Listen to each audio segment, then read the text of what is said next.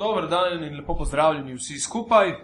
Poslušate pivotiranje, oddajo, kjer kavč selektori modrujemo in razpredamo o lepotah košarke ali pa grdotah, kakor se vzame. Na prvem mestu bi se želel zahvaliti našemu pokrovitelju, to je lokal Lepa Žoga, kjer imajo vsako sredo že standarden hot dog convention med 10 in 2 uro, Drugače pa je pomembna zadeva, če gremo po kronološkem vrstnem redu. Jutri, se pravi, ko boste vi poslušali danes, v torek, uh, Liga prvakov, Barca Atletico, Manchester United, Bayern, v sredo pa Paris Saint-Germain proti Chelsea in Real Madrid proti Borussiji. V petek, 4. aprila, je pa pomembna zadeva, ker končno štartajo z koncerti v Atriju Lepe žoge.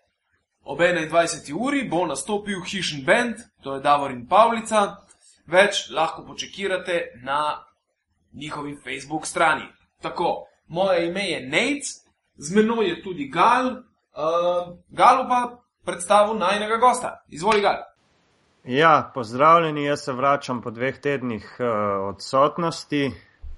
In ravno v pravem trenutku bi lahko tako rekel, spet se bomo ukvarjali z aktualno tematiko uh, in kot poklican se zdi ta pravi naš današnji gost uh, Damir, ki ima kar nekaj izkušenj, tudi prvoosebnih z ameriško NCA košarko in tudi nasploh se fant kar lep, dobro spozna na celo severnoameriško košarko. Dobr dan, živijo. Zdravo. Damir Radenovič, tako pozabim. Tako, ja. Zdravo, zdravo. Živijo. Uh, nič, pred nami je zaključni turnir uh, četverice NCAA lige.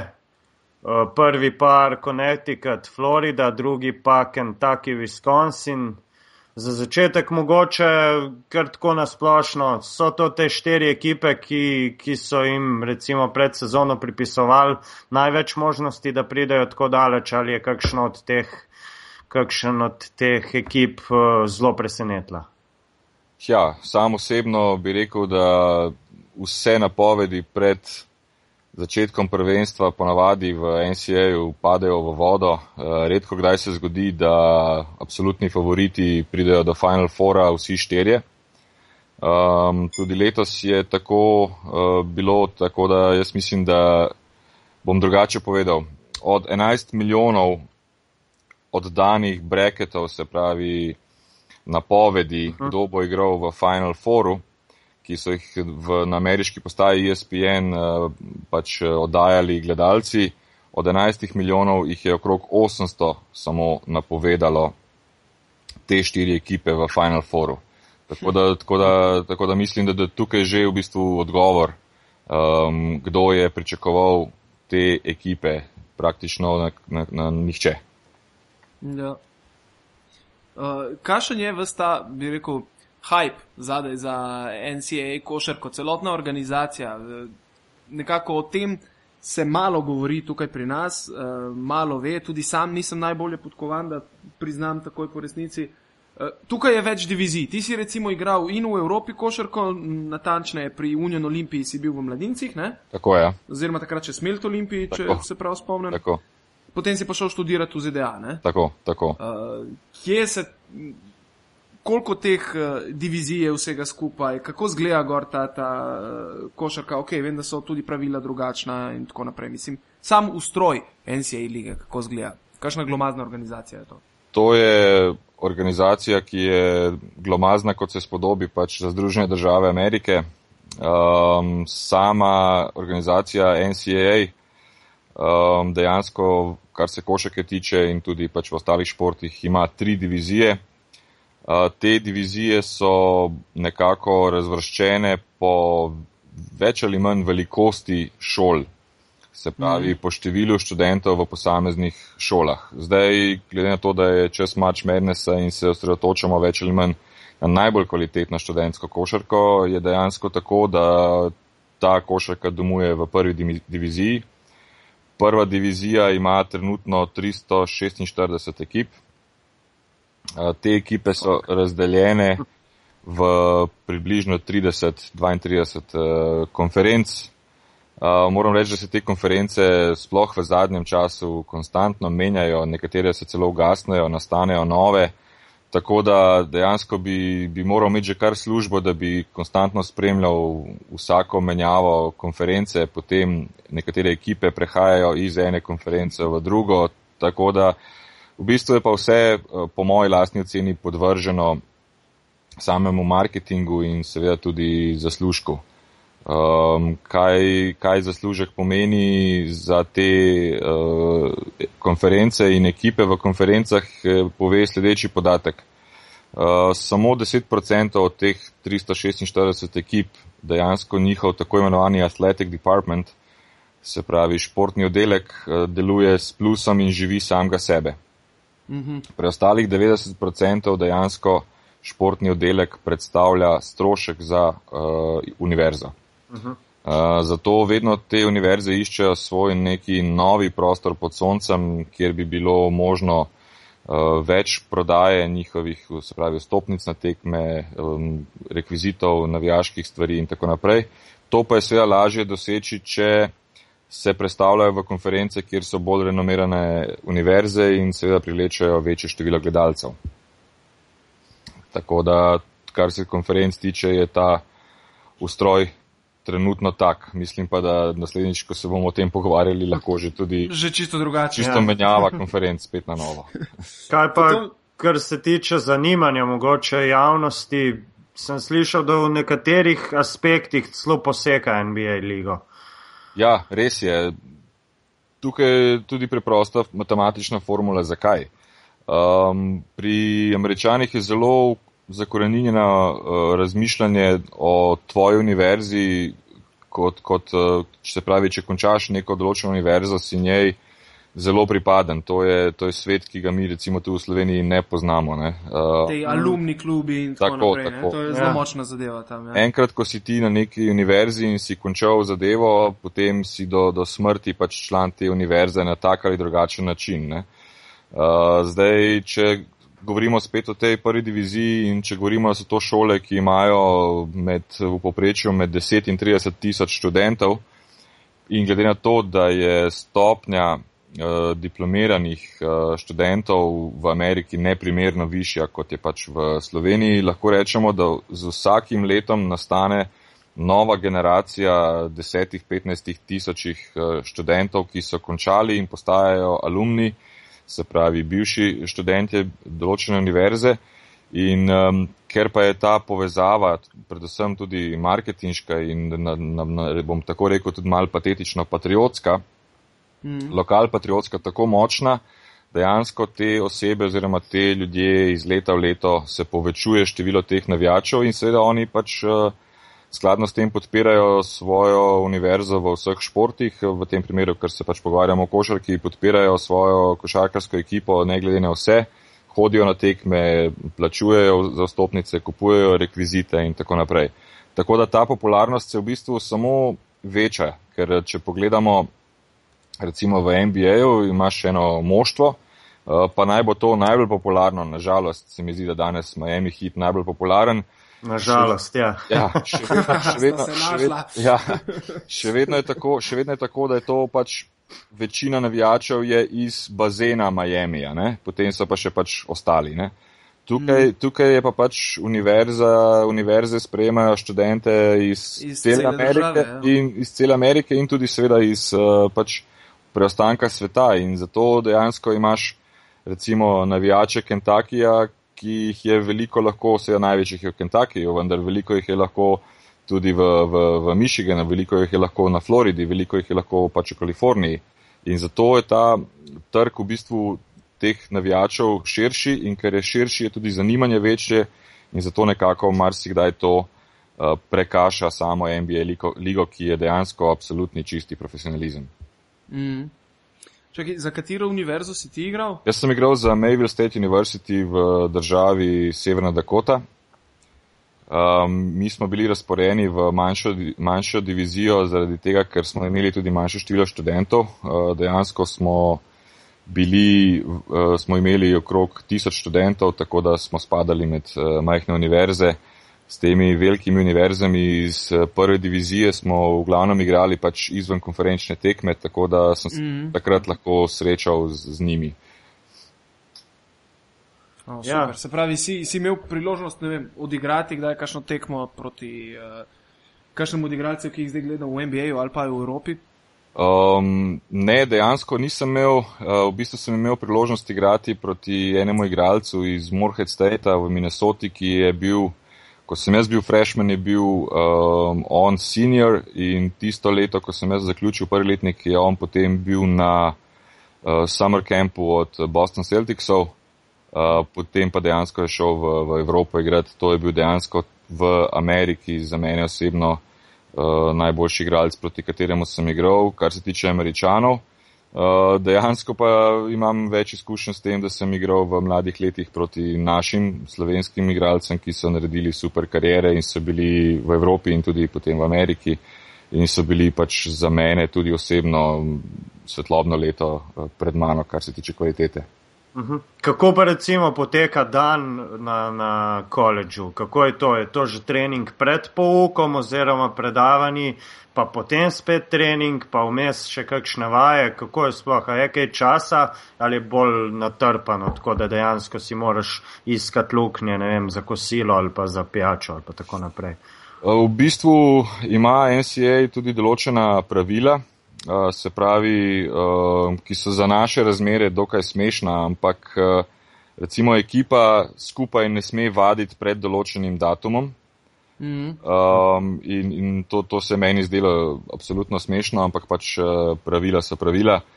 Um, drugače si, je, si pa veliko v začetku podvržen individualni vadbi in lastnim treningom.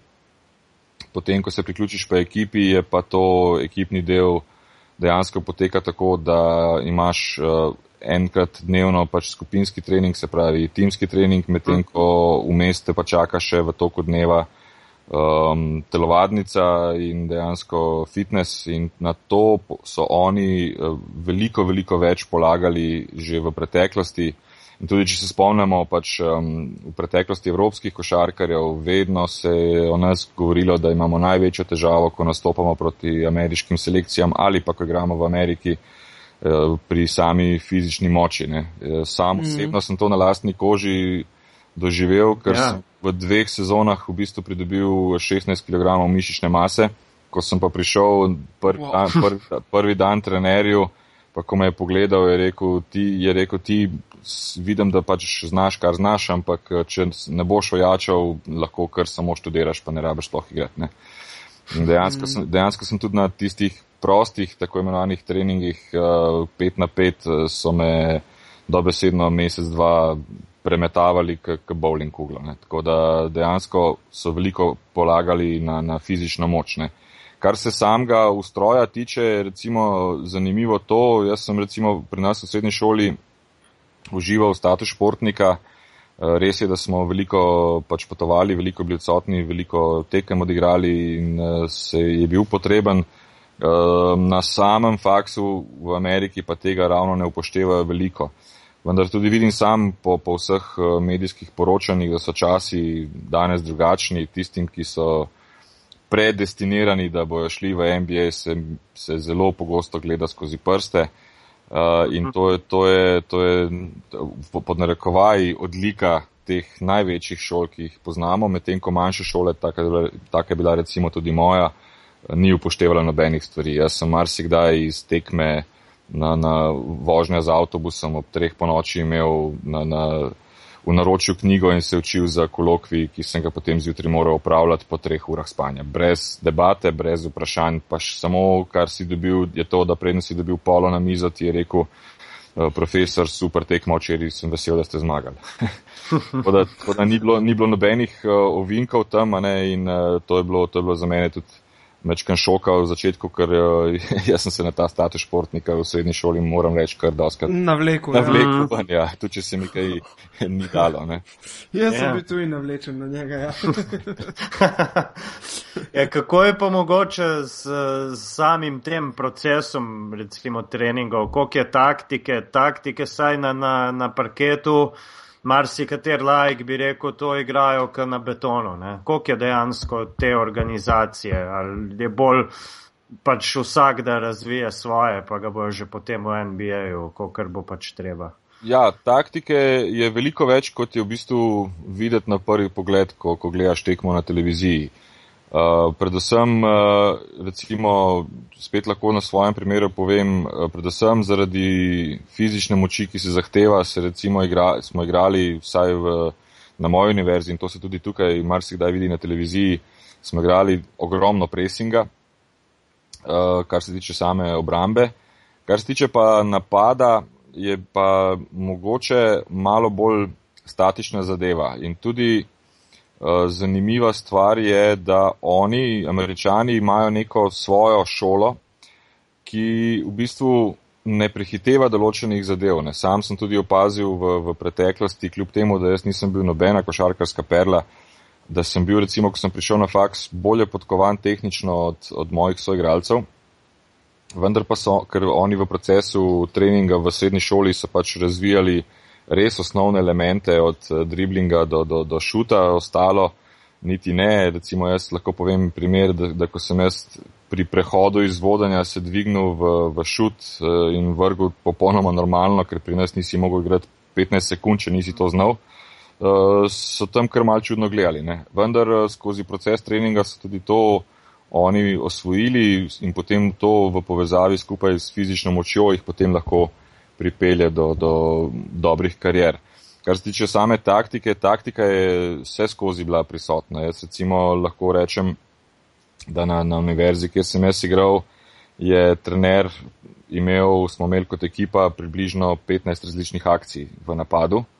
Uh, imeli smo približno 5-6 različnih postavitev v obrambi in dejansko smo igrali in, in cono in, in, in, in, in man to man. Uh, po drugi strani pa taktika pri današnjih igralcih, tistih, ki jih gledamo, dejansko prevečkrat uh, temeli na enem, enem igralcu ali dvema, ki sta pač superiorna in se potem tak taktika tudi uh, ni, Nima prilagaja. podreja. Ja. Definitivno pa se tudi sama vidite potem naprej v NBA-ju. Uh, kljub temu, da se nam zdi, da dan danes skoraj da ni taktike, da samo se igra ena na ena, dva na dva, ne.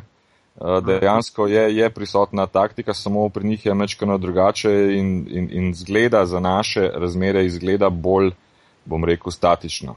Ja, čeprav taktike je tam v določenih pogledih še več, ne mislim s tem in tudi omogočeno je, da igravc recimo kliče timeout ja. na ta način recimo žogo zadrži za svojo ekipo in več tega je. Tako da dejansko taktike po eni strani več, po drugi pa, pa manj. Ne?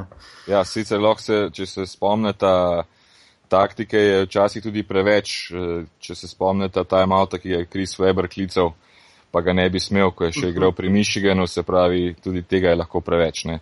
Dejansko, dejansko jim ustroj to uh, omogoča in določa. Sam osebno mislim, da, da je sama igra sicer prepočasna, jaz sem imel recimo to tudi osebno izkušnjo. Um, ko sem jaz prešel v Ameriko, je dejansko pri nas napad bil 30 sekund.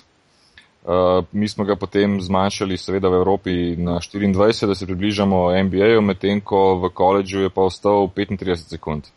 Ja. In ne moram vam povedati, kolikrat v začetku sem imel dejansko priložnost sam na šutu, na, pa ostalo je pa še 18 sekund do, do konca napada in enostavno sploh v, v, v začetku karijere nisem imel nobenega dovoljenja, čeprav sem sam kot duh.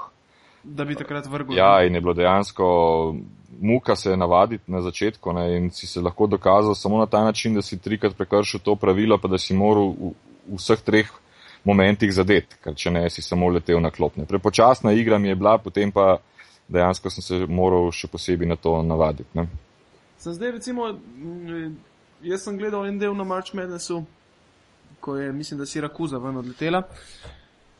Uh, ni, da zmeraj zadržujejo teh 34 sekund. Včasih kar lepo uspešno končujejo, zdaj že napade, počasi po 12 sekundah. Ne? Kljub ja. temu, da so na koncu igrali na zelo nizek rezultat, ker je bila pa obrambe z obeh strani, so bile precej fizične. To, to, je, to je res, ampak to dejansko pride direktno od trenerja povelje. Dolg napad, mm -hmm. kratek mm -hmm. napad. No, ja. uh, sama, sama vidite, recimo, da v koleč košarki se težko zgodi tako kot recimo v NBA-ju, da ena ekipa naredi 22-1 delni rezultat.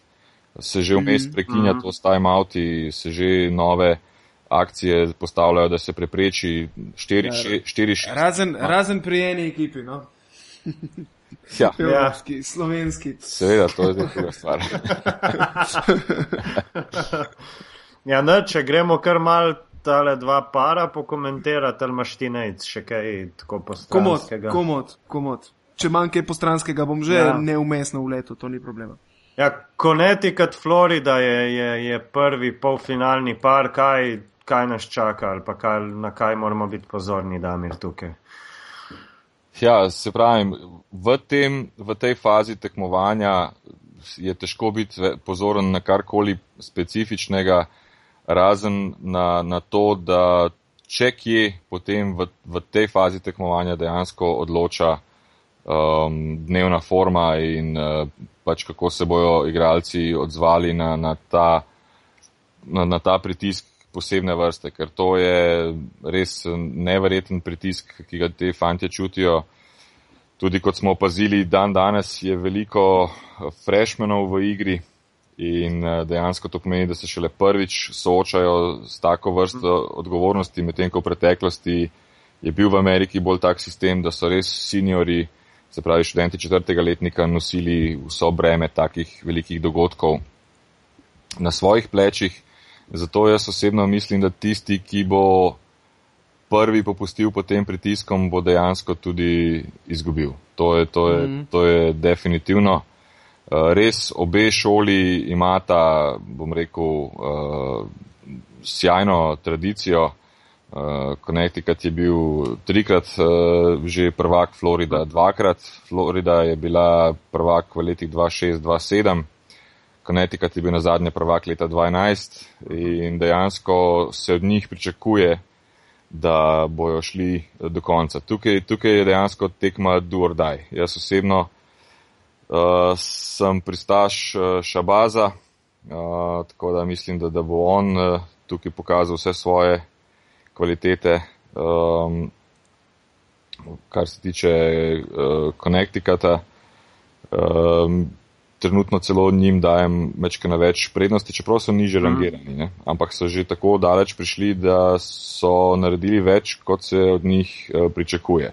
Po drugi strani pa res, uh, če smo prej rekli, da jih je 811 milijonov za del Final Four, potem ne pričakujte, da bom jaz zadev, kdo od teh dveh bo, bo zmagal, Ja, ja, ja. ja. ker je to absolutno nemogoče uh, določiti. Ne? Se pravi, Šabas pri Connecti- Connecticutu in, in uh, je še kakšen igralec tukaj, ki se mu morda napoveduje mm, kakšna blesteča NBA karijera ali pa nabor.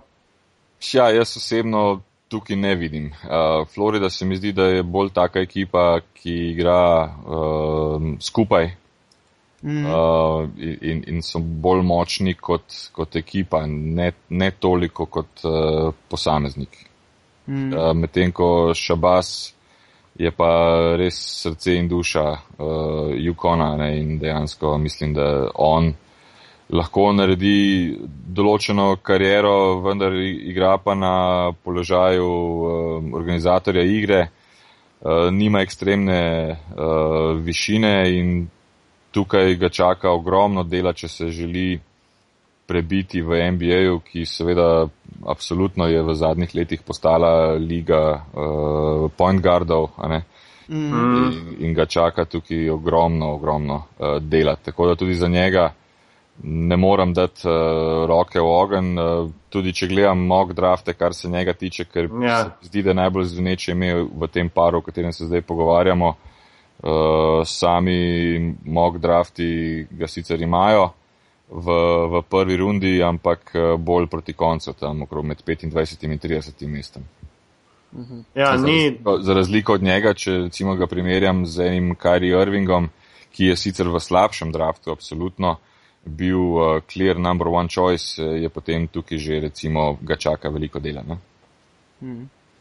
ja, nasploh tale cel zaključni turnir, saj na teh mock draftih, kot si že rekel, jaz imam tudi enega pred sabo, ne ponuja tiste najmanj smetane, ne, glih. Ja, to je res. To je res. Recimo Julius Randall iz Kentuckija je pri meni edini, recimo tako na osmem mestu. Ja, pa tudi on uh, včeraj je pokazal določene, določene slabosti, so ga Ja. so igralci reševali. Ne? Recimo tale Lee ne? ga je reševal, pa na koncu uh, strojko Harrison in tako naprej. Ne? Ja, ok, drugi park, Kentucky, Wisconsin. Škar se bo pa tukaj zgodilo? Jaz mislim, da v tem primeru zmaga Wisconsina je veliko manj možna kot, kot eh, Kentucky. Um, moramo vedeti, da je Kentucky ne samo, da je renomiran, kar se tiče imena te univerze in njihove slavne preteklosti, ampak je renomiran predvsem strani trenerja. In uh, dejansko on je dal že vse skozi. Ja. Uh, in mislim, da ima, da ima tukaj, da ima tukaj uh, prednost glavno. Čeprav meni je recimo bilo zanimivo kot, kot laiku, ampak edino, kar tukaj vem, je, da uh, izpad Duka me je zelo presenetil že takoj v prvem kolu. Ne? Ker je nekako Duke je poznan predvsem zaradi tega, ker je njihov glavni brand je trener uh, Šiševski, ne, tudi Ja. ameriški selektor. In uh, ogromno enih igralcev so že nekako proizvedli ven. Pred časom sem celo gledal en dokumentarec o Duku in me je zadeva kar precej navdušila, tako da sem bil šokiran, no, ko sem videl, da so takoj ven padli v prvem kolu. No.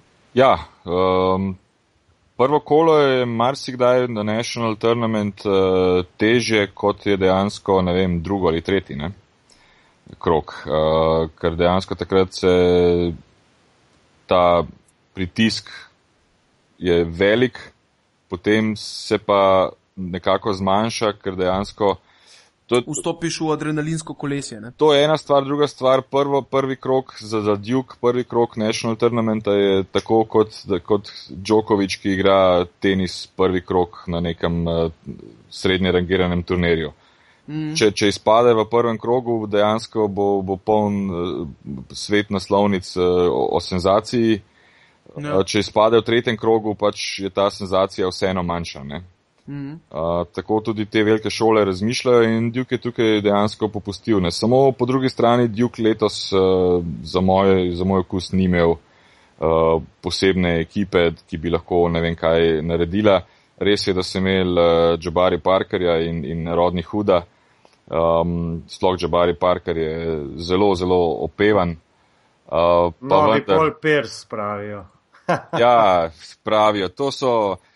Sama veliko spremljata ameriško sceno, pa veste, da so tudi komentatorji, kljub samo člani nekih um, medijev, ki se morajo na tak ali drugačen način Ja, prodajati in potem včasih tudi do- dobesedno prodajajo bučke zaradi tega. Ne? Mm. Uh, tako da Jabari Parker, jaz mislim, da, da bo imel neko kariero pametno, ampak je to še daleč od uh, Paul Piersa. Ker potem se začne v Ameriki hitro. Če ja. Ja. si Paul Pierce, potem No, no. si tudi, tudi že Carmelo Anthony. Če si Carmelo Anthony, zakaj ne bi bil še LeBron James? Če si LeBron James, si petek najboljši na svetu. In potem do Jordana ni več daleč. Ne? Ja. Lah, če, bi da, če bi danes mlade vprašal, bi marsikdo celo Lebrona na- pred Jordana postavil, nažalost. Ja. ne. Ja, ma dobro, to je normalno, ker je pač Lebron del njihovega odraščanja, medtem ko Jordana pa niso uspeli videti. ne. Sej. Ja, ampak glih, glih tukaj je pa tako, recimo zdaj je od Jordana kakšnih 20 ali pa mal manj let od tistih njegovih najboljših časov, pa še vedno je recimo za, za dost veliko košarkarsko populacijo najboljši vseh časov. Ko bo Lebron uh, končal kariero čez 15 let, sem prepričan, da se ga bo zelo manj ljudi spominjalo, tako kot se Jordana, no, recimo ker, ker je pa Jordan določene stvari naredil prvi in jih je naredil na tak način, da če prvi je bil komu, v zraku po Tudi- toliko cajta, ja. da je imel cajt menjavati žogo v zraku. ne. tudi če še komu uspe, tudi iz marketinškega stališča, pa vse, kaj tacga naredi, to ne bo tako tak bum, ker je bil Jordan prvi. Ne? Sej to je, to je dejansko uh, več in več je stvar v samem marketingu. Ne. Sej, če pogledamo čisto pošteno, pa se zdaj ni treba opredeljevati posebej, ampak eh, recimo Jordan je bil tehnično superioren, ne, medtem ko Ja. ja. LeBron Je pa James ne, fizično, ne, ja. ne, da, ne da ni tehnično dober, je popolnoma soliden, ampak je pa predvsem uh, svojo fiziko uspeva doseči to, kar je dosegel. Ne. Mhm. Čakaj, ti si, uh, kolikor vem, die hard fan tudi Cleveland Cavaliersov, ne? Res je, res je. Zato, Kako si ti gledal na to zadevo, ko je Lebron odšel v Miami? Zaploskal je verjetno. Jaz, jaz, osebno, jaz osebno in to imam tudi veliko prič med svojimi košarkarskimi prijatelji. Jaz osebno, ko je Lebron prišel uh, v, v Cleveland, jaz sem navijač Clevelanda od leta 1986, ko je dejansko v ekipo prišel Mark Price. To je bil tudi neki moj otroški idol, uh, mm. ker je bil tak, tak kot jaz, uh, majhen pa bel. Ne? Uh, s tem, da je naredil za svoje fizične predispozicije res neverjetno kariero in tako sem tudi začel v bistvu za to ekipo navijati. Ko je Lebron prišel v, v Cleveland, um, je bilo toliko medijskega in marketinškega hajpa, da se je meni uprlo že v štartu. Mm. Že v štartu, jaz sem samo želel, uh, ne vem koliko ste s tem uh, seznanjena, jaz sem samo želel, da bi mu res uspelo pripeljati uh, naslov v Cleveland iz enega preprostega razloga. Uh, Cleveland je eno mesto, ki je zadnjega prvaka v teh uh, štirih najbolj popularnih ameriških profesionalnih športih. Zadnjič so bili prvaki leta 1964. Ja. In, in sicer v ameriškem nogometu in uh, to je, to je, to je dejansko obdobje, jaz imam veliko tako imenovanih Twitter prijateljev iz Clevelanda in vidim, kako jih boli, radi bi imeli prvaka, pa zaradi njih, če je v bejzbolu, ameriški nogomet ali košarki, Lebron jih je pripeljal enkrat blizu, pa zelo, zelo daleč in vsta ta medijski hype, ki je bil, se, se meni od začetka mi ni bil všeč. Potem, ko je šel, Uh, ne bom rekel, da sem ploskal, ne smemo zanemariti njegove neverjetne kvalitete, kljub samo ploskal, pa posebej nisem temu, na kakšen način je odšel. Ja, to ti pa Ja. verjamem. Nares, Takrat se je, takrat se je men, mislim, prej sem ga imel tako za nekega dobrega košarkarja, ki ga pač ne maramo, takrat naprej ga pa dejansko skoraj videti ne moremo. nares, nares uh, en, en one hour special, ker ti si pa bog, je pa bilo tako nizko, še posebej, da narediš to, da ne poveš nobenemu v, v organizaciji, da si se odločil za, za drugo organizacijo in da jih potem dejansko dobesedno in, in Skenslaš na TV. Ja. Pa, na, na, na V National prime TV, v prime time na National TV milijoni so gledali, ko je on dejansko zabodel nož v srce te organizaciji. In jaz, in jaz še zdaj ne morem verjeti, uh, dobro, jaz sem tudi mečken starejši kot večina, ki se zdaj s Clevelandom ubada tam pri, pri njih a ne, in vidim, kako bi radi, da pride nazaj, da pride nazaj samo zato, da bi ta prsten osvojil. Jaz sem popolnoma zadovoljen, če za časa mojega življenja niti enega prstena ne osvojimo, pa smo v redu organizacija. Mhm. Kokor pa, da, da, da, da imaš take osebke, ki dejansko nimajo veze, veze z življenjem, ne z ničemer. ne. To, to, to, to, to je res, jaz ne vem, preklinjal, preklinjal ne bom, a ne, ampak to je kretenizem, kar je naredil in od takrat naprej, lej, ne, ne, ne želimo nič slabega po človeški plati, ampak vsakič, ko pa gre v prodor, pa upam, da si bo levi mezin zvil. Ja, sej tisti je šlo pol še, to je eskaliral do tistega, not one, not two, not three, ne do osem Ja, ja, štev. ja, ja. In srčno jaz pa upam, da, da, da je to to, kar je z njegovim osvajanjem. Mislim, da Ja. če letos ne bo, da ne bo niti enega več. Letos je še zadnja šansa, tudi s tem Miamijevim kadrom, uh, potem bo sam še nov trade prišel v obzir za njega, če hoče biti še konkurenčen. Ne pozabimo še To eno stvar. Ne? Ne pozabimo še eno stvar in, in to je, da je NBA zašel v neke vode, ki so za, za nas, recimo, mečkano mal starejše uh, fene, se te vode so bolj stran od tistih romantičnih voda, recimo. Vsak Ja, je hotel biti alfa samec. NBA, ja. Vsak je hotel biti alfa samec in svoje moštvo pripeljati. Recimo Charles Barkley je poskušal celo kariero, pa ni prišel do tega. Patrick Ewing je poskušal celo kariero, ni prišel do tega. Ampak niso se pa umaknili od tam, kjer so bili. Reggie Miller. Karl Ja. Malone. Ne? Um, da od tistih, ki so nekaj osvojili, ja. Magic, Jordan, Bird, da bi oni kadarkoli se na katerem koli reprezentančnem zboru pogovarjali, kaj pa če bi se mi trije združili, pa naredili to ligo nezanimivo, da o tem sploh ne govorim. Ne? In Lebron, ja. Lebron, ker pač tam, to, tukaj sem res doma in to sem res spremljal, Lebron je imel ekipo tisto sezono, ko so v polfinalu izgubili eh, z Bostonom eh, v konferenčnem finalu, je imel ekipo za osvojitev prstana, pa je on čovknil. In potem, Ja, dejansko, ko je on čovknil, je pa rekel, kaj pa če bi šel nekam, pa se še s tremi drugimi dobrimi združil, pa pa tam usvojil neki. Lej, Tako, da imamo tri klače igralce na enem Ja, mestu. ja. Lej, Jordan je sam usvojil zadevo. Vse vem, da je imel super soigralce, pa odlično ekipo, pa Scott. Pa vrhunskega trenerja, Vse ja. to jasno, sigurno, ampak on je bil tisti, ki brez njega to ne bi mogel Ja, narediti. ko je prišlo na konc, ni bilo variante, da bom podal, tako kot je recimo Lebron podal zdaj na tekmi z Indijano. Ne? Ja, Na šut Krisu Bošu, recimo. Se, se, se ti veš eh, tisto šalo, ko so uh, Lebronu rekli, uh, hej, can I get a dollar? Pa pa je Lebron rekel, no, I only have 75 cents, I don't have a last quarter. Ja. Ja, exactly. Dobro, lepo sta preskočila zdaj že na ligo NBA. In, in eh, v bistvu zdaj me pa zanima, playoff se tukaj približuje v letošnjem NBA-ju. ne? Ja, Počasi in ustrajno, ja. Ja, na zadnji tekmi se je, eh, nažalost, v bistvu edina ekipa, ki jo letos malo bolj spremljam, je Phoenix Suns zaradi Gorana Dragiča, ki igra košarko življenja. Eh, in na zadnji tekmi so pušnili lih proti Los Angeles Lakersom, Lakersom, ja. ki pa letošnjo sezono tankirajo v bistvu. Ne? I- Jih ne zanima več dober rezultat, a vseeno so uspeli ja. zguziti Phoenix v nepravem trenutku. Ne? Slab, slab, jaz tekme nisem gledal, ampak oba udarn, udarn bran- branilski dvojec je imel zelo slab izkupiček meta in zgleda, ima ni šlo, drugi pa potem tukaj niti so igravci Bleco pa Dragiča, pa po moje sami, če ona, vsaj eden od njih dveh nima zelo dobrega dne, težko karkoli naredijo. ne. ja res. Tukaj, Ja. in tukaj je imel Bledsoe šut iz igre 1-9, kar je zelo, zelo slabo, Gogi pa 6-16. ne. Tako da, To je ena stvar, ki recimo marsikdo, mogoče predvsem od mlajših uh, fanov, ne ve. Um, v NBA-ju je 450 igralcev pod, pod pogodbo, recimo, ne Ja. 30 krat 15.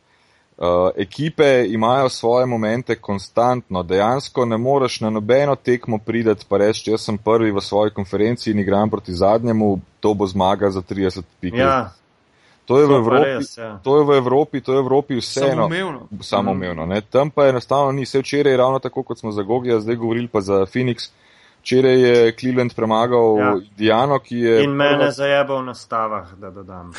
Uh, to, to si si pa sam kriv, ker bi mogel pa mene poklicati, pa bi ti jaz povedal, kaj se bo zgodilo. Ker, ker, ker, ker Indijana zgubila štiri, Štir zapored, ja, ampak po Ja. ja. drugi strani pa na zadnjih enajstih tekmah med sebojni Cleveland ni zmagal, nekaj tacga.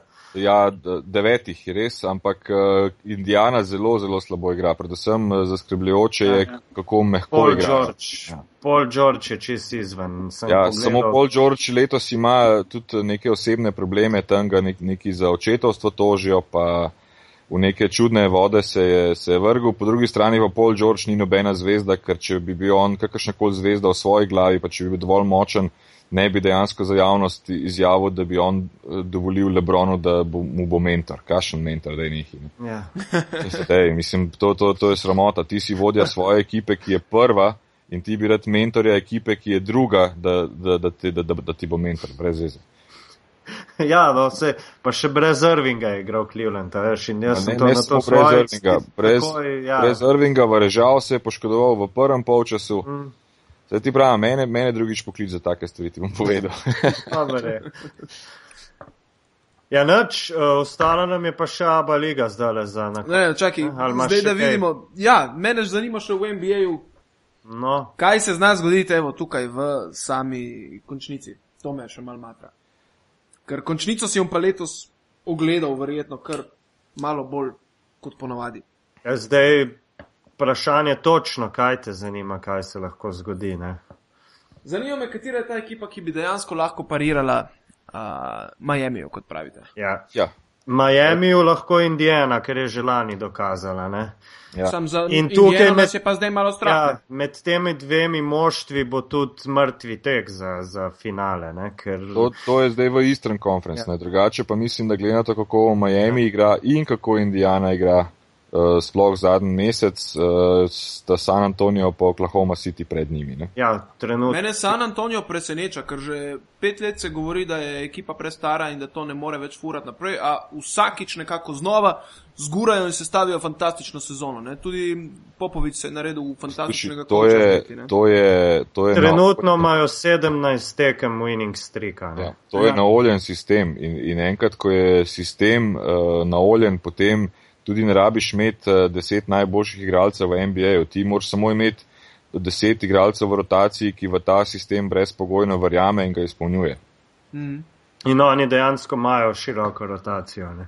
Tako, tako. Imam občutek, da je v bistvu Koč uh, Popovič dosegel trenutno en tak nivo, kot ga je imel včasih Bulsa, Bulsov uh, Phil Jackson. Jackson ja. Res je, nas sicer na svoj zelo poseben način, ampak uh, ja. Vrhunski način. Ja. no, se tudi, tudi, meni, tudi meni je to zelo všeč, ker on se pa, če se pa kdo zna ponorčevati iz tega business-like MBA, se mm. pa on zna. Ne?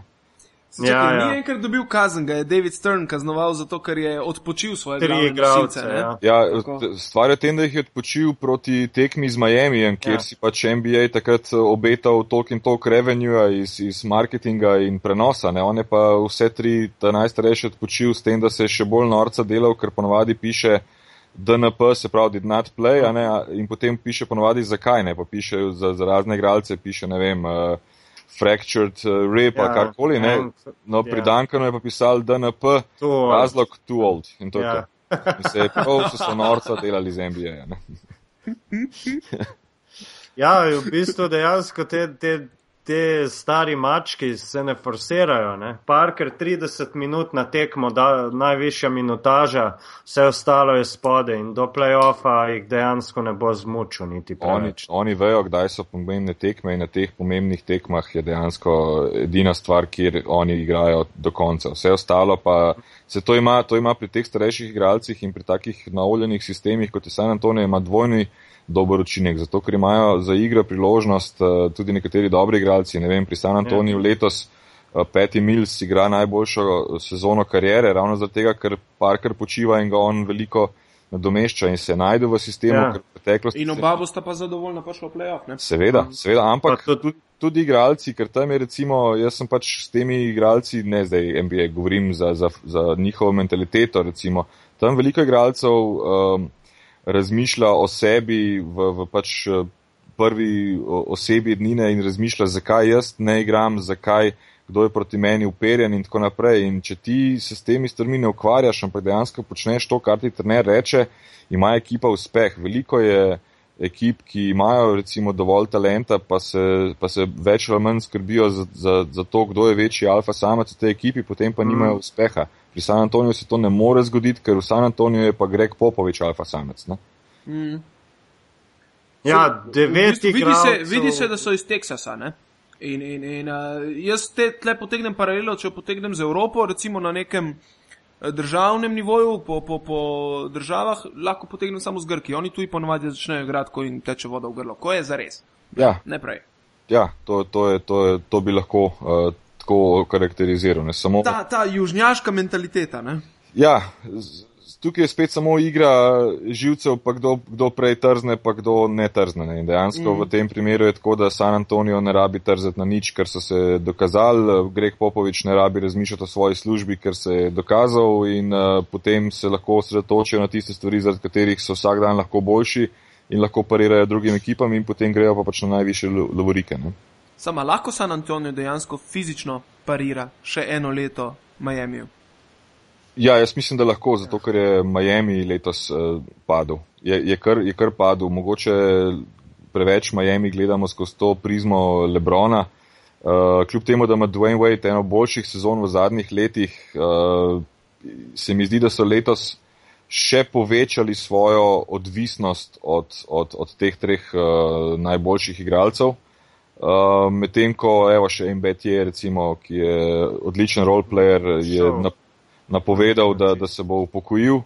Uh, po tej mm. sezoni Ray Allen sicer svojo formo nekako stopnjuje, on je res en skoraj medicinski fenomen pri 38, pripravljen boljše kot marsikateri 25-letnik v NBA-ju. Ampak vseeno. Se je nenormalno skušal čez poletje. On, ne? Ja, samo pri njih mora klikati vse. Pri San, pri San Antoniju pa recimo, če se spomnimo lansko leto Danny Greena, ne, Ja. um, je, je prišel ven od nikoder, če tako pogledamo. Dobesedno iz Olimpije je prišel v, v, v, v finale NBA, ne, uh, skoraj. In, in uh, tam se bo spet letos se najdel Patrick Mills, in uh, mislim, da imajo bolj širok kader za to. Bolj širok kader, še nekaj ne pozabimo, da Miami je lansko leto imel tudi eh, prednosti domačega igrišča povsod, ne. Uh, v, v play-offu, medtem ko letos eh, tudi pod Ja, tako spet. ja, ne. ne bo ga imel. Ja. Sej se v bistvu že takoj, tudi za tiste največje lajke, pogledu na statistiko, imaš tri igralce na deset točk pri Miamiju, v bistvu šest igralcev takih pri San Antoniju in potem je to v rotaciji praktično deset igralcev. Bistveno lažje. Ja. ki, ki vsak lahko da. Ne? In v tej ekipi, recimo, en Marko Belinelli, ki ni zdaj nek ne vem kaj, daje 12 točk na tekmo. Ne? Seveda, zato ker pri njih je. catch. Pri, Ja. catch, je, catch je pri San Antoniju, da imajo za, za moj občutek najboljši spacing v celem NBA-ju. Spacing je pa Sigurno. Tako pomemben v NBA-ju, da, da v bistvu to tvori skoraj vsa, vsak, vsak napad točke. ist- Ustvariš v bistvu iz, iz dobrega spacinga. Ne? Bi pa še nekaj drugega povedal, če se spomnite, lansko leto v finalu je Boris Dio uh, ustavil Lebrona marsikdaj. Ne? ja, tako da ga je pokrival dva metra stran Ja. od trojke. To je ena stvar, druga stvar je pa vseeno Boris Dio zgleda okoren, star in tudi včasih malo zamaščen, ampak Tako, ja. je, je, je, pa, je trd, je žilav. ima, ja, pa, pa delo nog ima dobro, ni, Je ni, trd, ni počasen Tako, noge. Ne? če bi letos on uspel nekaj takega ponoviti, eh, sicer spet vprašanje, če bo to sploh v finalu tako, ne, lahko da bojo morali proti Indijani igrati. Jaz bi na Indijani, pri Indijani opozoril, ker to se da vedno ob- obrniti. Indijana je rekla zanč, ko, ko pač so podpisali Bajnoma in ko se je spet poškodoval, da ni odpisan za playoff in če imaš pa ti kar naenkrat Hiberta pa Bajnoma, dva možakarja, ki sta 218 visoka, imaš pa ti lahko kar neki problemov pod košem. Ne? Mhm. Sploh A- Miami, ki je najslabši tukaj. Ne? Tako, tako, tako. Tako recimo, da še zdaj za intermeco je bila isto stava na Hiberta, recimo, meja je bila 11 točk. Mislim, da je že v prvi četrtini dal 10 ali 11 pik uh, Miamiju. Ja, in, ja. in to bo večen problem, dokler bo tako. Ja, sej, oni bojo, Miami, ja. Miami zdaj zaradi tega, ker so dvakrat zapored prvaki, v bistvu uh, vsako moštvo že zdaj, ko še ni ne play-offa, ne česar napadajo čim bolj pod košem, ker pač so tam najbolj, najbolj tanki, potem pa samo nažalost upajo, da, da bo Lebron imel off večer in tako se jim lahko posreči kakšna zmaga. Ne? Mhm. Ja. Ok, štartamo na Aba ligo. Pa može. Može. Ja, Odigrano je bilo zadnje kolo Aba lige, ne? Oziroma Ni ni še- še, ni še še. Danes je popolnoma- še Partizan in, in pa Megavizuren budučnost igrajo še. ne? Ja, s tem, da vse ostale stvari so pa končane. Štirje udeleženci Final Fora so znani. Znano je, kdo je znani vodilnik, so- kdo je na Final Fouru in Ja. kdo je izpadel. In tudi znani so potniki, recimo evropska tekmovanja, in znano je tudi to, da je prvič v zgodovini tekmovanja, eh, kar se tiče slovenskih klubov, Krka pred eh, Unijo Olimpijo na sedmem mestu, Olimpija bo deveta na koncu in če bo recimo Eurocup ostal v takih okvirih, kot je zdaj. Uh, oziroma, če Mora se, ponovi, če, se wildcard, pon, ne? ne, če se ponovi lanski scenarij, bo Krka prišla noter brez wildcarda. Ja. Ja. Lani je bil MZT sedmi in je igral potem Eurocup, tako da neki mešani občutki so tukaj. lani je igralo ne pol, ampak dve tretjini Ja. Aba lige Eurocup. Ne? Ja, seveda, prvih sedem direkt in potem še, še dva wildcarda, če se ne motim in to Mhm. hitro je. Uh, ja, nič, jaz sem kar mislil, da bi, da bi začel jaz s svojim presenečenjem. Najbolj, recimo, lahko je negativno uh, in lahko je pozitivno, seveda je tukaj pri meni, ne glede na vse kadrovske rošade med sezono Cibona, brez dvoma, največje presenečenje Sigurno. na, v vseh aspektih. Sigurno. Napovedoval si sicer prvo mesto, pa glede na to, kaj Ja. se jim je dogajalo, je to tretje mesto, kar jaz sem jih odpisal že zdavnaj. Ne? Ja, večina Vrhunsko. mojih košarkarskih Vrhunsko. kolegov jim je po odhodu Jenninga in Strawberryja pripisovala in neve na spahije. Ne? Ja, zgolj še možnosti za obstanek, ampak jim je to na koncu v bistvu prišlo dvakrat prav, ker so Šariča še toliko bolj potisnili v spredje. On jim je to vrnil trikrat, ne samo enkrat. In nekako nekako so s temi šestimi igravci, tako je danes Rimac rekel, imeli smo rotacijo šestih igravcev in to je za nas velik uspeh in nedvomno temu je tako. Zdaj pa mm. mogoče ima ta vidva še kakšno drugo presenečenje, recimo, lahko je pozitivno, lahko je negativno, ker nekako ni šlo v skladu s pričakovanji. Dam gostu prednost, da mi izvoli. Ja, jaz osebno res uh, to z najtežjim srcem. Na začetku ste rekli, sem res uh, šest let igral za vse mlade selekcije Olimpije in sem pač goreč pristaš Olimpije od nekdaj. Za mene je nažalost Olimpija največje negativno uh, presenečenje in tukaj zdaj ni moj, moja poanta, da bi zdaj ekstra pluval po klubu, ker mislim, da se že to dela konstantno iz vseh uh, koncev, vendar pa kritika je, uh, opravičena. Um, dejansko Olimpija ni naredila nobenega rezultata, poleg mm. tega, če pa ni naredila nobenega rezultata, gledam pa še iz drugega zornega kota, iz zornega kota slovenske košarke. Um, Omiča, Omič je prišel k sebi in, in je in igral vse bolje, medtem ko ostale mlade igralce pa niso razvili. Se pravi, če že potem ne delaš rezultata, potem razvi mlade igralce. To me je pa še bolj negativno presenetilo zato, ker um, trener eh, Pipan ima v svojem življenjepisu, da zna razvijati eh, mlade igralce uh, in da, da je sposoben tega, vendar pa ne vem, zakaj letos ni, ni šlo v, v to smer. Uh, skozi, skozi sem bral o tem, da so super klapa, da se močno trenira, da, da vse te stvari potekajo. Sam osebno mislim, da so ob nepravem času polagali uh, več uh, motivacije v samo, sam uh, Eurocup, kjer smo, kjer smo vedeli, da razen ja, ja. prvega mesta Eurolige ne boš videl, kar pomeni, da niti ni. Več ali manj samo strošek to tekmovanje. Tako, da niti ni bilo tako ekstra pomembno, so bili zdaj v, v skupini, ne vem, med 16, med 32 ali pa med 64 ali pa karkoli, med 4 bi bilo edino pomembno, da pride na nek Final Four pa da se borijo za Euroligo. Eh, tam je bila možnost v tekmah razvijati tudi mlade igralce, medtem ko bi lahko v ABA ligi se bolj potrudili uh, loviti rezultat. Ne pozabimo pa katastrofalnega začetka, koliko je bilo 0,5, 0,6. 0,6 je bilo. Uh, to, to res ni, ni primerno za, za en klub. Uh, izgovor o, glede sanacije je, je sedaj, se mi zdi, iz leta v leto bolj priročen. Ne? Uh, dejansko mi kot, kot navijači, kot gledalci, kot simpatizeri od teh sanacij nimamo nič razen to, da imam skozi občutek, da zaradi sanacije rezultatsko samo klub bo ugašal in ugašal, medtem pa ne bo razvoja dovolj mladih ali pa nekega rezultatskega preboja. In to mislim, da je absolutno uh, napačna smer in morajo tukaj narediti eno spremembo. Letošnji, letošnja ABA liga za Unijo Olimpijo je absolutno neuspešna.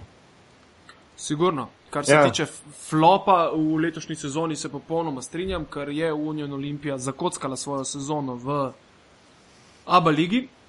Je ja, pa tudi to... res po drugi strani, da ne vem, koga bi razvijali od slovenskih ja, košarkarjev, razen, razen Alena Omiča. Zato, ker pri uh, Luki Rupniku se je nažalost pokazalo, da ni kader očitno za uh, košarko na najvišjem nivoju kar je zdaj že drugo leto v Olimpiji. In, ampak v tistem trenutku vsi pravijo, ja, kaj ste podpisali Rupnika, ampak po drugi strani pa se v tisti generaciji pa ni bilo drugega playmakerja za podpisati. Seveda, ne? samo je pa vseeno, če imaš človeka v klubu, imaš dve opciji, ali uh, se mu zahvališ za sodelovanje, ali ga pa razvijaš.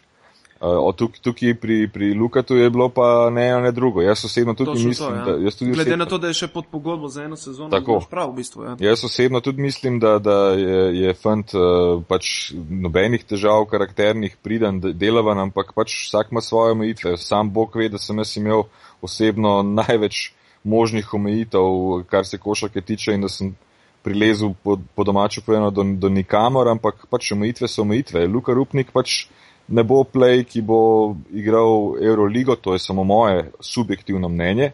In klub ga je pa imel. Če si ga imel, ga moraš razvijati. Mm. Ja, s tem, da so tukaj tudi še kakšne posoje pridejo poštev in marsikaj. Seveda, imeli smo, imeli smo tudi, imeli smo tudi, imamo še zmeraj uh, Jako Brodnika. Ne? Ja. Uh, Jaka Brodnik pač uh, ne bom rekel, da, da je to NBA material, ampak on je material dober. On je dober mm. material. In se mi zdi, da v štartu sezone uh, tiste priložnosti, ki jih je dobival, zdaj kako jih je izkoristil, je seveda stvar druge debate. Ne? Ampak On je možakar, ki ima nekaj šuta, ima neko višino, dovolj je skočen, dovolj je agilen in bi ga bilo potrebno razvijati. Ne. Berem tudi in gledam čez celo sezono, kako mlade selekcije imajo um, nekaj fantov, ki so zanimivi za, za, za pogledati. Ne. Uh, ne vem, ne poznam uh, detaljev, ali so bili priključeni k kakšnim članskim treningom, da bi dobili kakšne dodatne izkušnje. V končni fazi so, so končiti, če je treniral z ja, ja. ja, v redu. V končni fazi zdaj prihaja spet uh, tudi domače prvenstvo, kvota slovenskih igralcev, mislim, da, da mora biti izpolnjena. Tukaj bo tudi kakšen. Tudi je, tudi je. Ja, ja. Kakšnega mladega bojo še notri vzeli iz, iz mladinske selekcije, tukaj se lahko tudi kaj še. Je, eh, na zadnji tekmi je Šiško igral eno minuto ja. pa pol. Mhm. Me pa najbolj v bistvu skrbi, ker v bistvu gledamo to. Ne? Olimpija tle mislim, da se strinjamo. Je odigrala najslabšo sezono v Abu Leiji, odkar je priključena v to tekmovanje. Ja. Uh, po drugi strani pa je v, na zadnji tekmi, mislim, da je v slovenski ligi premagala dve ekipi za 30 točk. Ne? Med drugim tudi uh, Laško, ki je odnegdaj bila tudi neka valilnica talentov in klub, ki se še letos nekako tiho poteguje za morda to tretjo vstopnico za Abu Leigo, kar je zaskrbljujoče. Ne? Kar pomeni, da iz slovenske lige tudi dobivamo ven škart material. Sorry. Ja, s tem, ja, strinjal, s tem bi se strinjal, ampak zdaj morate vi povedati, ker, bo, ker bomo zelo v enem stavku ali dveh kmalo zašli na bodočnost slovenske košarke, v kateri pa mm. mislim, da imamo marsi, ja. marsi katero mnenje. Ne? Bomo lahko do jutra. Ne, tlele, ne, tlele, evo, lih si dobro omenil, imam, uh, dobili smo fan mail. Sicer že 8. marca, vendar ga nismo uspeli ugurati v nobeno debato do zdaj. Uh, Matej Potočnik nam je pisal in ga zanima točno to, kako bi sedaj sestavili slovensko reprezentanco, če bi bilo prvenstvo jutri. Glede na to, da, je, da so Lakovič in Nagbar, Nagbar uh, izven uh, ustroja reprezentančnega se upokojili, oziroma Lakovič se še ni točno izjasnil, ampak vse kaže na to. Uh, Vidmar je poškodovan. Goran Dragič je vprašljiv. Goran Dragič je vprašljiv, ja. E, Matej se tukaj še sprašuje, kdo bo menjava za Dragiča. Zna biti, da lahko vprašamo samo, kdo bo menjava za Zorana Dragiča. Ne? Uh, mislim, da bo res Goran Dragič verjetno po svetu to uh, poletje nekemu svojemu uh, individualnemu razvoju. Ne? Kar po eni strani niti ni tako grozno. Tukaj je svetovno prvenstvo in tudi on. Tako, Ja, jaz osebno mislim sledeče. Dajmo se najprej zavedati, da je svetovno prvenstvo drugačnega pomena kot evropsko prvenstvo za našo ja. košarko. Ne? In tudi uh, popravite me, ker ste videli tukaj zelo podkovana. Uh, nekatere stvari štejejo pa tudi za olimpijske igre in tako naprej. In mislim, da svetovno prvenstvo ni med. Samo svetovni prvak gre na olimpijske. Ja. Tako, tako, tako. tako, tako da, To, to je ena stvar. Druga, druga stvar, uh, ne poznam tega osebno, ker pač nisem nikoli igral, ampak uh, mislim, da imamo dovolj igralcev, ki jih lahko vprašamo, kaj pomeni odigrati 82 tekem, pa, pa biti po, po 40 letalih, ne, ker imaš pač 41 mm. domačih. Uh, in okrog, jaz tukaj popolnoma razumem uh, Gogija, jaz mislim, da, da, da še ena druga stvar pri njemu, ne pozabimo, da on igra samo v eni hitrosti in to je peta. Ne. Uh, in in to, to pa, pa če pogledamo njegovo telo, on je dejansko je žilav in, in močen, ampak uh, to ubija njegovo telo. Imel je letos tudi nekaj poškodovanih, ogromno poškodovanih. Ja. Tako, tako da, kar se pa same reprezentance tiče, jaz, jaz osebno se, se sploh ne bi toliko sekiral in ukvarjal s postavo naše reprezentance na letošnjem svetovnem prvenstvu. Mene absolutno meni je absolutno zaskrbljujoče prihodnost naše reprezentance in ja. govorim naslednjih 5 do 10 let, ker mi smo resnično od, od, od, od ne vem, letnikov 74 do letnika 84 je skozi, so bili dva, trije, ki so se lahko priključevali reprezentanci na tak ali drugačen način in smo vedno rekli, aha, imamo pa od zadnji tega, imamo pa od zadnji tega, imamo pa od zadnji tega. Sedaj ne vidim, ne vidim takih asov, dejansko imamo, ne vem, enega uh, Lukata Dončiča, ki je še premlad, ki bo mogel še pet let delati, uh, pa, pa vprašanje, če mu ne bojo še španci kaj ponudili, da bo tam podpisal na koncu in tako naprej in tako naprej. Ni pet, deset fantov, ki bi dejansko zagotavljali neko prihodnost. Sej v, v, v časih deset let nazaj, petnajst, uh, smo osvajali medalje na teh mladinskih prvenstvih, zdaj igramo po pet divizij. In, in to, to, to je bolj zaskrbljujoče. Samo jaz osebno mislim, da, da je težava v tem, da razvoj mladih igralcev poteka na robe, zato ker se prehitro zahtevajo rezultati. Eh, pa bom drugače karikiral. Kdo od vaju ve, kdo je bil leta 96 kadetski prvak slovenski? Nobeden. Ja. Ja. Noben ne ve, niti jaz ne vem. In me sploh ne zanima. Vem pa, da je bil leta 96 dober ta igralec, ta igralec in ta igralec za našo reprezentanco in da ga je nekdo vzgojil. Danes se pa gledajo neki Final Four pionirski, oziroma zdaj se drugače imenuje, zdaj je to U12, 14, 16, ne vem kaj. In te Final Fouri so pomembni, kdo je bil prvi. Ni sploh to pomembno, pomembno je, koga si ti vzgojil. Na redu. Govorili smo, govorili smo o Slovanovi šoli, ki je bila res vrhunska v, v, v tistih časih, tudi pri njih zdaj recimo ne vidim neko ekstra produkcijo. Recimo Ljubljanski bazen, ki je bil na nek način dokaj velik, pa je imel neko močno ilirijo, ježi. Slovan ni več klub, to, Ja. to, to, je, to je katastrofa, kaj se zdaj dela. Stvar je pa v tem, mladinski trenerji so absolutno podplačani in niso osredotočeni na produkcijo. To je glavna težava. In dokler ne bo krovna zveza v bistvu uredila nekih pogojev, ker ni pogoj telovadnica pa superge. Pogoj je, da tisti, ki te uči, eh, nekaj Da zna. zna in da ima čas, da se s tem Trenerje, ki sem jih jaz spoznal v svoji mladosti, so bili lahko dobri, slabi, kakršnikoli že, ampak so imeli solidno, redno plačo in cel dan so bili v svojih telovadnicah in dvoranah.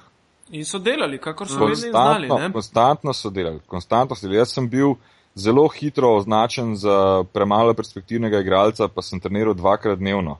Pa se je Mhm. trener vzel, moj trener, čas, pa je rekel tole, pa tole, pa tole, pa tole. Pa smo delali, samo delali smo. Ni bilo sploh Mhm. nobenih drugih debat. Danes je pa, pa tudi druga stvar, ki sem jo slišal že marsikje, ker imamo tako malo nekih uh, potencijalnih uh, kandidatov za, za reprezentanco v bodoče ali pa zvest ali karkoli.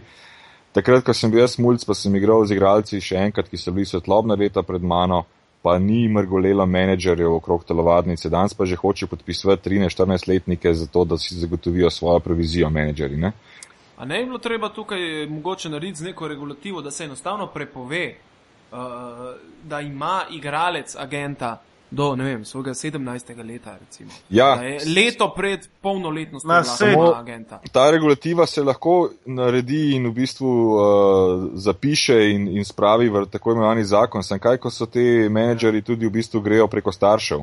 Mm. Ne, grejo preko Uradno staršev. ga ne bi Zavem, imel, vsi starši neuradno bi ga počasi pa imel. ne. začenjajo, začenjajo svojo eksistenco reševati preko otrok, Ja. ki so pri 12 letih kao talenti. Vse to, vse to ni samo v košaki tak primer, ampak nažalost tega je vse več, ne, da nekdo otroku, ki je star 12 let, eh, 12 let reče, da, da ti boš pa NBA potencijala, ne.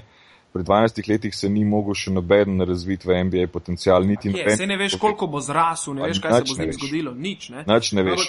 Paul George, Indiana, prej smo o NBA govorili samo en primer. Možakar je zrastel 5 cm po draftu. Mhm. Tako da Ja, fuck. po- po 5 cm. Ne? In to, to je nenormalno. Kdo je to lahko predvidel? Nihče. Ne? Mhm. Uh, tako da tukaj je glavna težava. Treba je imeti mladinske trenerje in kadetske trenerje plačane.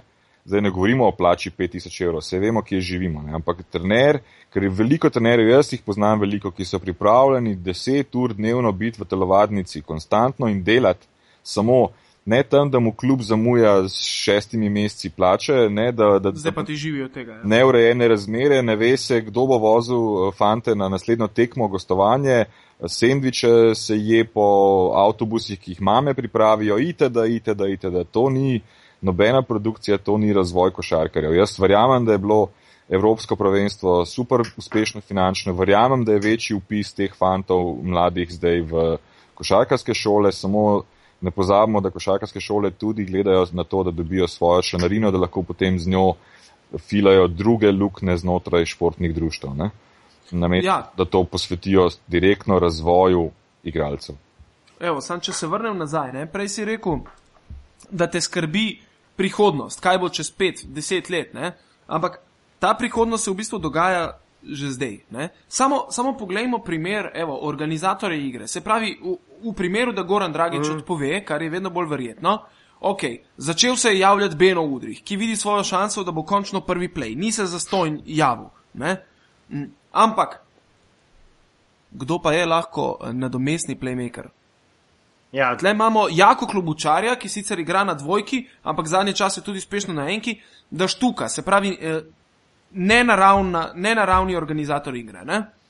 A, a se kdo spomne še koga? Ne, okay, Matic Remec. Tukaj je taka luknja, da, da tudi verjetno te, te ljudje, ki dobesedno ustvarjajo to prihodnost, še sami ne, ne, ne morejo vedeti. Lej, Kdo lej, bi dvojka, zdaj? Dvojka trenutek... je pokrita, to ni problem. In trojka v tem hipu je tudi pokrita. Ne? Ja, ko primerjaš z enko, je pokrita, ampak kaj pa imaš recimo na trojki, poleg Eda Muriča? Zofija Dragiča ali pa Jako Blažiča. Ja, to so spet ok, to so ja, fanti, ki to, se selijo. Ne? Ja, plan B je to, ne? nimaš pa neke rešitve standardne, kaj šele dolgoročne. Ne? In, ja. na, in na peticiji je zopet problem, mir za Begič ne igra nič, uh, Gašper Vidmar je poškodovan, kaj, koga bomo. Razen, ne? Ja, pa imaš potem na štirici spet lukno. Ja, sem razen itak zadnji čas je veliko igral petko, je, on je težka štirica, on je v bistvu bolj petka kot štirica. ja, ja, ampak potem ti na šterki zmanjka tistega igralca, ki, ki je zelo pomemben, ne, recimo, ker štirica je zelo pomembna pozicija, ne, ki tu dosti kreira in vse in potem ti tukaj zmanjka tisti luciden igralc, ki ga boš dal na petko. Ja, jaz osebno tukaj mislim, da, da sta dve, dve poti. In, uh, sicer prva pot je, da, da naredimo tako, kot smo prej pogovarjali se v NBA-ju, da tankiramo, pa damo 12 igralcev, pač najboljših in najmlajših in najbolj perspektivnih, pustimo, kako, koliko so oni perspektivni v primerjavi z. Uh, prejšnjimi asi ja. naše reprezentance, ampak recimo najbolj perspektivnimi. Zaradi mene je, bo to Luka Rupnik, bo pa Luka Rupnik. Pač, če ne najdemo božga, nimamo božga, bo on šel. To je ena varijanta in tem, tem mladim damo eno uh, podlago in priložnost, da igrajo veliko tekmovanje, ker mogoče pa na enega ali dva od njih bo to dobro vplivalo. Nekateri kljub vsemu Eh, razvoj ni pri vsakem igralcu enak. Ne, ne, če lahko Dražen Petrovič pa 14. Jugo Ligo okusu, nekateri se pa najdejo šele pri 24. Ne, to pač tako je. Uh, ja. za, za, jako, za jako klobučarja me recimo najbolj boli to, kako novinari, ki so plačani in ki bi morali veliko več vedeti, samo pri 26 eh, letih govorili v prenosih talent slovenske košarke. Pri 26 več nisi talent, takrat si že izdelan igralec in imaš kariero. Uh, Uh, kar se tiče pa, to je ena. Razen, varianta. če ti je ime Pero Antič. Ja. Ali pa Raško Katič. samo samo naštel, naštel smo dva in še to smo naštel dva na visokih pozicijah. Ja, ja. Uh, pri, pri, pri, pri tistih, ki, ki handlajo žogo, so ta leta mačken drugačne uh, hmm. narejena. S tem, da to je ena varijanta, se pravi, da tankiramo, pa dejansko damo tisto, kar bi bilo možno, ne vem, prepeliči, blažiči, um, dragič, uh, brata Murič, uh, pa kdo še pač je, je visok. Ne, ne vem, kakšen je zdaj status uh, Omiča glede državljanstva. Ne, ne, Omič je naturalizirani slovenec. Tako, ampak, glede, na to, je, glede na to, da je lahko samo eden noter, je verjetno ima Mirza še vedno prednost. Ja, sej samo Mirza ima prednost, eh, dokler, dokler pa ne igra, se mu ta prednost ja. lahko zgublja. Zdaj govorim spet ja. v primeru, ja. le Mirza je star, eh, mislim, da je 85 letnik. Ne? Ja, tako je. Ja. No, ja. Se pravi, Mirza je 30, eh, ali nekog, 20, 21, 22. Ne? Ja. Uh, se pravi, lahko, lahko, to tekmovanje, ja, lahko, lahko to tekmovanje vzameš za poligon, pa njega peleš na mesto Mirze. Ne? To je spet govorim v primeru tankiranja ene poti. Druga pot je pa ta, da dejansko uh, člani KZS-ja začnejo po kolenih hoditi malki igralcem, po katerih se je prej pluval. Ne? In jaz osebno Mislim, da, da ta pot ni tako napačna, samo težava je v tem, da pri nas uh, se potem tudi rado uh, težko svoj lastni ponos uh, požre ne, in tako naprej, ker dejansko uh, kljub temu, da se je Beno javil zdaj zato, ker Gogija mogoče ali pa verjetno ne bo, mi imamo tako, prej smo govorili, tako majhen bazen igralcev, da jaz osebno nikoli ne padam na, na, na te nacionalne, da ne rečem nacionalistične fore, da če pa ne igraš ti za reprezentanco, boš pa si pa izmeček, pa, pa spoki se. Mi imamo toliko malih igralcev, da Beno, če reče, da bi igral in če je sposoben in če se uvrsti dobesedno med 12 fantov, naj igra. Mm. Nimamo mi kaj. Ja, potem je vse na selektorju, kako ga bo on tiste, tiste njegove pogoje ukomponiral. Ampak če Zdaj, je pripravljen, more, ne? ker vsak, ki ne igra, je, je, je handicap. Ne, Veš, kako je pogoji? Ne? Pogoji sigurno so pri teh, recimo, temu bolj uveljavljenih igralcih. Ne? Eh, vendar pa recimo en, en pogoj, ki v preteklosti je bil marsikdaj zanemarjen, kar se naše reprezentance tiče, da so na, naši največji asi igrali težke sezone uh, po raznih dobrih, odličnih evropskih klubih in v NBA-ju, potem je bila reprezentančna akcija in na mesto osvežitve jih je čakal dva tedna uh, priprav na rogli. Ja. Priprav na rogli.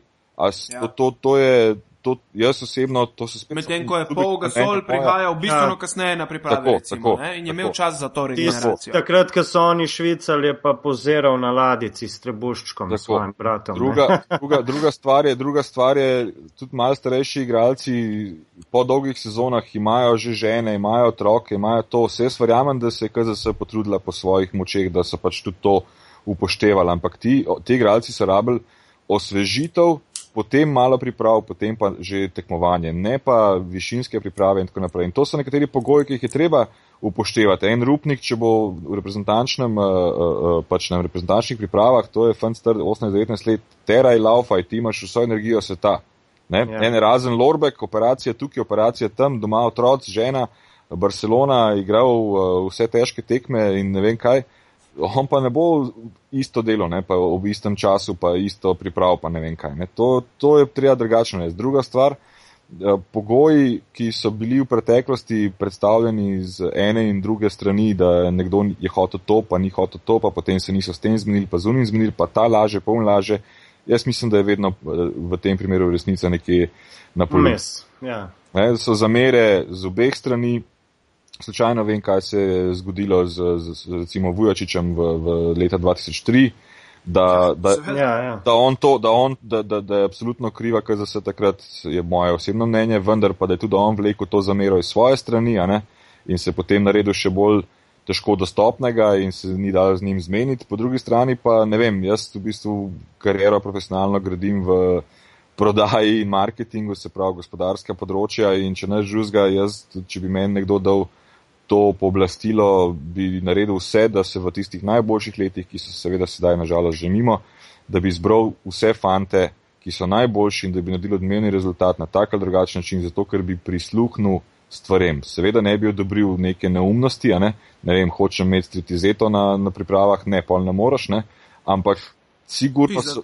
To, to bi se še dalo razumeti. To bi še. Prej bi tisto, da hočem karikiram, karikiram, karikiram, dejansko dejansko mislim, da je bila komunikacija en mimo drugega vsa ta leta in da zaradi tega se niso zmenili. Pa noben ni bil pripravljen svojega ego tam malo požreti ali pa mhm. reči, jaz ti dam tukaj prav, ti daš pa meni tukaj prav, pa deva za dobrobit tega, pa unga, pa tretjega neki narestne. In ne pozabimo še eno drugo stvar. Sjajni primer je bil, žalostno sjajni primer je bil Jaka Lakovič leta 2009 na Polskem. On je dal takrat vse za reprezentanco, kar je bilo možno v fizičnem smislu potem je pa zaradi tega izpadel iz rotacije v Barceloni in so ga tudi potem naprej uh, prodali. Zato, ker dejansko je rabo rehabilitacijo obeh gležnjev. Ja. Točno to. Ne. Se pravi, potem, ko, ko kdaj poslušam te, bom rekel, bolj nacionalno usmerjene komentarje, Jaka Lakovič od tiste tekme oziroma tistega prvenstva na Polskem, osvojili smo četrto mesto, dal je vse od sebe, on v svoji osebni karieri. Kljub vsemu je to karijera, tako kot eni hodijo delati v službo, on hodi igrati košarko. Ne? On v osebni karieri si je s to reprezentančno akcijo odmagal, ne pomagal. Mm. Ne? In pač nekateri igralci pa niso pripravljeni tega narediti, ampak zaradi tega jih jim treba na križ pribijati. Ne? Ja, seveda. Ja, sploh če je iskren, pa takoj pove, mene ne bo, jaz imam No. no. družino in tako naprej. To ja, če je pa. Ti pa zameram, Če pa ti pa zameram nek- dejansko ja. tem, ki, ki so govorili, ja, bomo videli, bomo videli, bomo videli, pa pa ni bilo nič iz tega. Ne? Mhm. Ja. Mhm. Dobro, če sumiram celotno tole zgodbo, bi lahko jo dal v en stavek in to je prošla baka s kolačima. ne? Ja. Uh, zdaj, v bistvu tem imamo še ogromno za predelati, ampak čas nas pa že pošteno baše, ker smo že na uh, uri in Na 10 uri minut. 15, ja. ja, uri 15. Tako da mislim, da eh, Euroliga se še ni končala, edino še to na brzino. Ta teden se igrata ta prvi tekmi polfinale Eurokupa, Crvena zvezda proti Unixu in Valencija proti Nižnem Novgorodu. Še enkrat čestitke Primorzu Brezcu, ki si je želel iti na Valencijo. Ne? Ja. Uh, zdaj, jaz bi od oka rekel, da bomo gledali ruski finale, verjetno kar med Unixom in, in uh, Nižnim. Zvezda je ogromno naredila in, in, in tudi dviguje se še vedno nekako v formi, tako da bo imel Partizan v srpskem prvenstvu in na Final Fouru, katerakoli že ekipa, ali bo to Partizan ali pa katerakoli druga.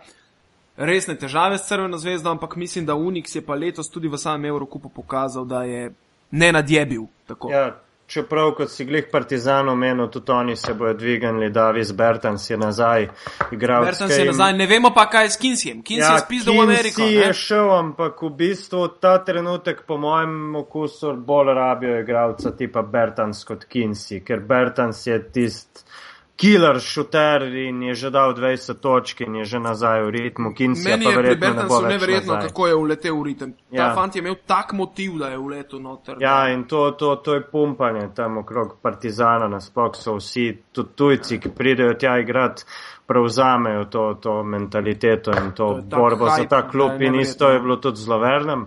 Uh, tukaj, kar se pa tiče Evrokupa, pa ja, mislim, da Crvena zvezda doma pred 25 tisoč uh, ljudmi lahko tudi nabriše unik za 10 točk, ampak gor bo pa mal, mal drugačna zgodba. Ne?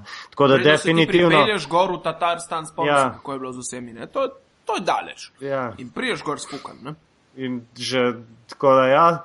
Uh, drugi par je pa spet uh, dokaj tako nepredvidljiv, ampak še zmeri mislim, da nažalost našega brezca. Uh, mu sicer prvoščam in vse mislim, da saj na papirju je Valencija kar favorit. No. Bomo pa videli, kako se bo to vse skupaj podvil na, na, na parketu, ker Valencija ima izkušene igralce, mislim, da so edini poleg tistih dveh porazov v Euroligi letos spel zmagati Real Madrid in ne vem, mislim, da, da, da imajo neko prednost v tem, v tem duelu. Jaz bi se kar strinjal s tem. Eh, Meni je Valencija ena ekipa, ki marsikdaj ne doseže to, kar dejansko je sposobna. In zdaj dejansko imajo to priložnost, da to dejansko popravijo. Ne? Ja, tudi Olimpija je recimo dvakrat premagala, pa si ne bi mislil tega. ja. Ja, vse to, to pravim, to je bilo za, za mene prvovrstno presenečenje. No, sej spet govorim, ne, tam so se tudi, se je Olimpija sigurno tudi strošila, ne, če tako pogledaš. Ne. Mm. Na, na, ta, na, na palice na, na tako ekipo absolutno je zdravo in prav, ampak uh, porka duš, pa pa zgubiš v enem zadru, ki, ki jih pride podpirati 3000 gledalcev v njihovi borbi za obstanek, medtem ko dvorana spreme 12 tisoč gledalcev. Ne. Mm. In ti tam ne, ne uspeš eh, zmagati v bistvu. Ne. A, se zato le, če se navežem še na to, Slobodna Dalmacija je napisala, kako je sramotno, da se strokovni štab in igralci Olimpije niso udeležili uh, tiskovne konference po tem porazu. Ne? Uh -huh. Bolj sem pa zvedel kasneje naknadno, da se niso udeležili zaradi tega, ker so malo dlje imeli krizni sestanek v slačilnici. No. Ja, se glede na odigrane akcije je bil kar potreben. Prepotreben, upam, ja. Upam, da je zalego. Upam, da je zadnji. ja.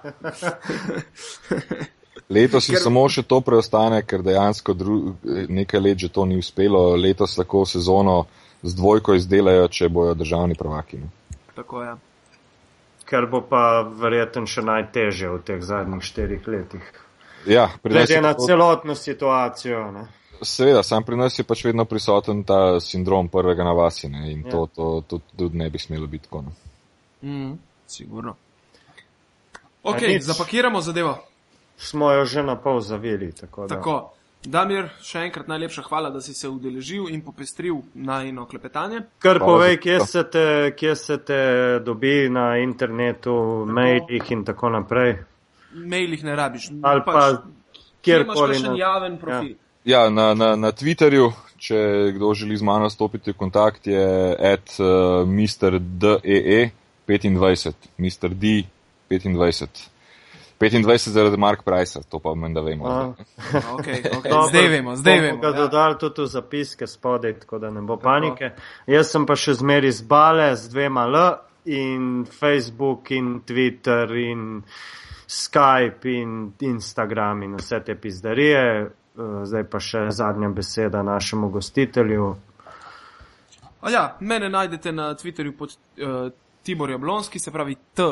Jablonski z Y, ker pač that just makes sense. Uh, in uh, to je to. Se slišimo do naslednjega tedna. Ne? Ja, lep pozdrav tudi v mojem Lep imenu. pozdrav, živijo. Adijo.